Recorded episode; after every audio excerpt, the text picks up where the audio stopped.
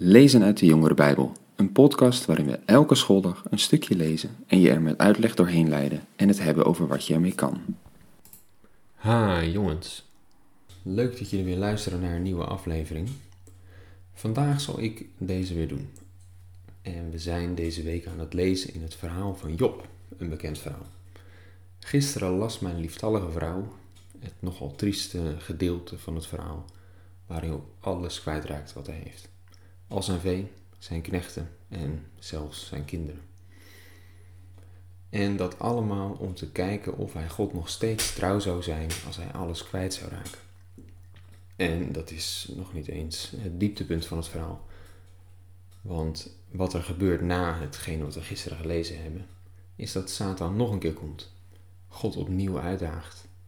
En hij zegt, ja, we hebben Job wel al zijn bezittingen afgenomen, maar als je iemand echt wil pakken, als je een mens die zou alles geven als hij maar gezond kan zijn. Dus als we hem dit keer ziek maken, dan zal hij u, God, wel vaarwel zeggen en vervloeken. En als Job dan uiteindelijk volledig onder de zweer in het stof zit en een potscherf pakt om zich mee te krabben, dan komt zijn vrouw langs in het verhaal. En laten we maar eens even kijken hoe zijn vrouw reageert op alles wat er gebeurd is. In hoofdstuk 2 vanaf vers 9 lezen we. Zijn vrouw zei tegen hem, dat is Job, Waarom blijf je zo onberispelijk? Vervloek God toch en sterf. Maar Job zei tegen haar, Je woorden zijn de woorden van een dwaas. Al het goede aanvaarden we van God. Zouden we dan het kwade niet aanvaarden? Ondanks alles zondigde Job niet. Hij sprak geen onvertogen woord. Ja, als je kijkt naar alles wat er gebeurd is, al die ellende die ze hebben meegemaakt, dan is de reactie van Jobs vrouw een hele menselijke reactie. Je woede richting God uiten. Maar Job, hij houdt zijn hoofd koel. Hij blijft vasthouden aan zijn toewijding aan God, aan zijn geloof, zijn vertrouwen op God. En opnieuw zegt hij hier: Het goede krijgen van God. En dat aanvaarden we. Dan moeten we toch ook het accepteren als God ons iets kwaads geeft. Hij is God. Hij geeft en hij neemt. Nou, je zou er zo overheen lezen, maar eigenlijk staat in dit kleine stukje een antwoord op een vraag waar heel veel christenen het moeilijk mee hebben. Heel veel christenen, als je het aan hen vraagt, een van de moeilijkste vragen vinden ze: hoe zit het nou met het kwaad? Hoe komt het dat de God van de Bijbel, waar het zo vaak gaat over liefde en het goede, die God, die eigenlijk het toonbeeld is van, ja, inderdaad al het goede. Maar daar kan je toch niet van voorstellen dat daar ook al die kwade, nare dingen vandaan komen. En dat geloven dus heel veel mensen ook niet. En zij, zij geven dan de duivel de schuld van dat nare dingen gebeuren. Of de mensen zelf, de keuzes die wij maken. Zolang het maar niet op Gods bordje komt. Want God, Hij is alleen het goede en liefde. Maar Job zegt hier iets heel anders. Hij zegt namelijk, Job, dat we ook het kwade van God moeten aanvaarden. Nou, Job die had helemaal goede redenen om het op mensen of op de duivel af te schrijven. Ik bedoel, het was het idee van de duivel. En het waren de mensen die het uitvoerden. En toch erkent Job hier, het kwam van God. En staat erbij dat hij door dat te zeggen ook geen fout maakte. Hij had het dus correct. De vraag blijft natuurlijk, ook als de nare dingen van God komen, waarom God het dan precies doet. Maar daar, daar uh, gaan we in de loop van het verhaal en in de loop van de week nog wel meer over lezen en over nadenken. We gaan nu nog even verder. Wat er hierna gebeurt, als Job dus niet alleen al zijn bezittingen kwijt is, maar ook nog zijn gezondheid, dan lezen we dat zijn drie vrienden langs gaan komen om hem bij te staan. Laten we maar verder lezen vanaf vers 11. Drie vrienden, van Job, Elifas uit Theman, Bildad uit Suach en Sofar uit Naama, hoorden van de rampspoed die hem, Job, had getroffen en ze besloten hem op te zoeken. Onderweg ontmoetten ze elkaar en samen gingen ze naar hem toe om hun medeleven te tonen en hem te troosten. Toen ze Job vanuit de verte zagen, herkenden ze hem niet en barsten ze uit in luid geweeklaag en scheurden hun kleren en wierpen stof omhoog over hun hoofd. Zeven dagen en zeven nachten bleven ze naast hem op de grond zitten zonder iets tegen hem te zeggen, want ze zagen hoe vreselijk hij leed. Jobs vrienden komen langs om hem te troosten.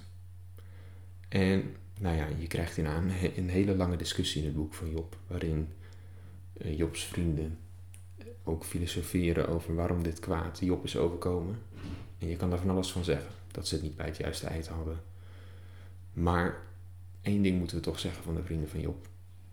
Ze zitten wel zeven dagen en zeven nachten lang stil bij hem om hem bij te staan, om hem te troosten.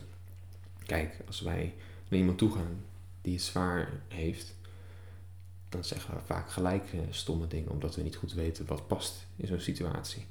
Komen we met een dooddoener of een opmerking die toch niet helemaal goed valt. Jobs vrienden wachten tenminste zeven dagen mee om stomme dingen te zeggen. Daar zouden wij nog wat van kunnen leren. En na die zeven dagen, dan gaan ze praten. En dat ze zeven dagen zijn stil geweest, dat halen ze daarna ook wel in, want meer dan dertig hoofdstukken lang discussiëren Job en, en zijn vrienden over steeds maar diezelfde vraag. Waarom is mij dit overkomen? En het begint met Job, die na zeven dagen begint met klagen.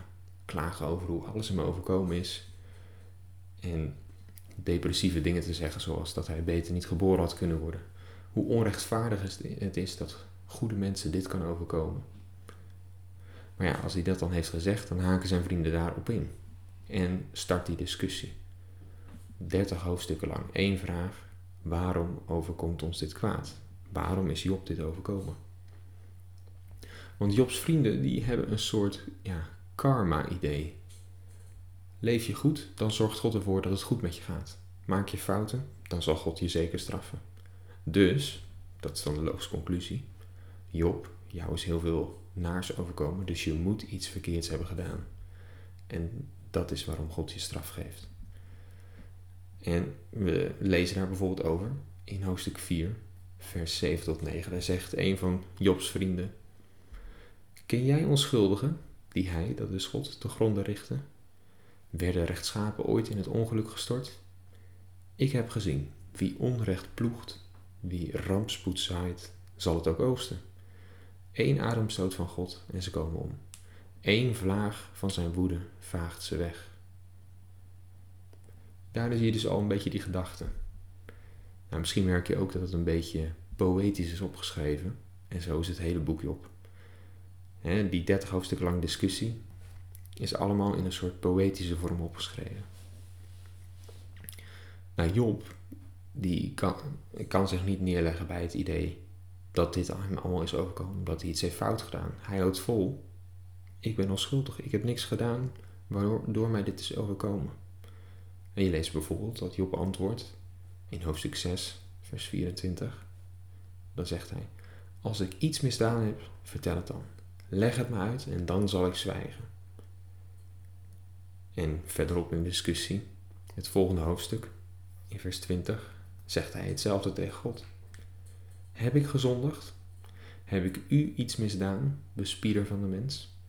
Waarom hebt u mij tot mikpunt gekozen? Ik ben mezelf al tot last. Nou ja, en dat gaat dus 30 hoofdstukken lang door. Een soort welles nietes. Jobs vrienden die zeggen, je hebt iets fout gedaan, dat moet wel. En Job die zegt, ik heb niks fout gedaan, daardoor komt het niet. De poëzie is mooi, maar het is dus wel een beetje taai om daarheen te lezen, 30 hoofdstukken lang. En toch is die vraag wel eentje die ons ook kan bezighouden. Waarom overkomt ons nare dingen? Waarom heeft God dat bedacht? Zoals ik al zei, daar zullen we dus een antwoord op vinden. Maar denk er vandaag maar alvast over na. Morgen lezen we verder.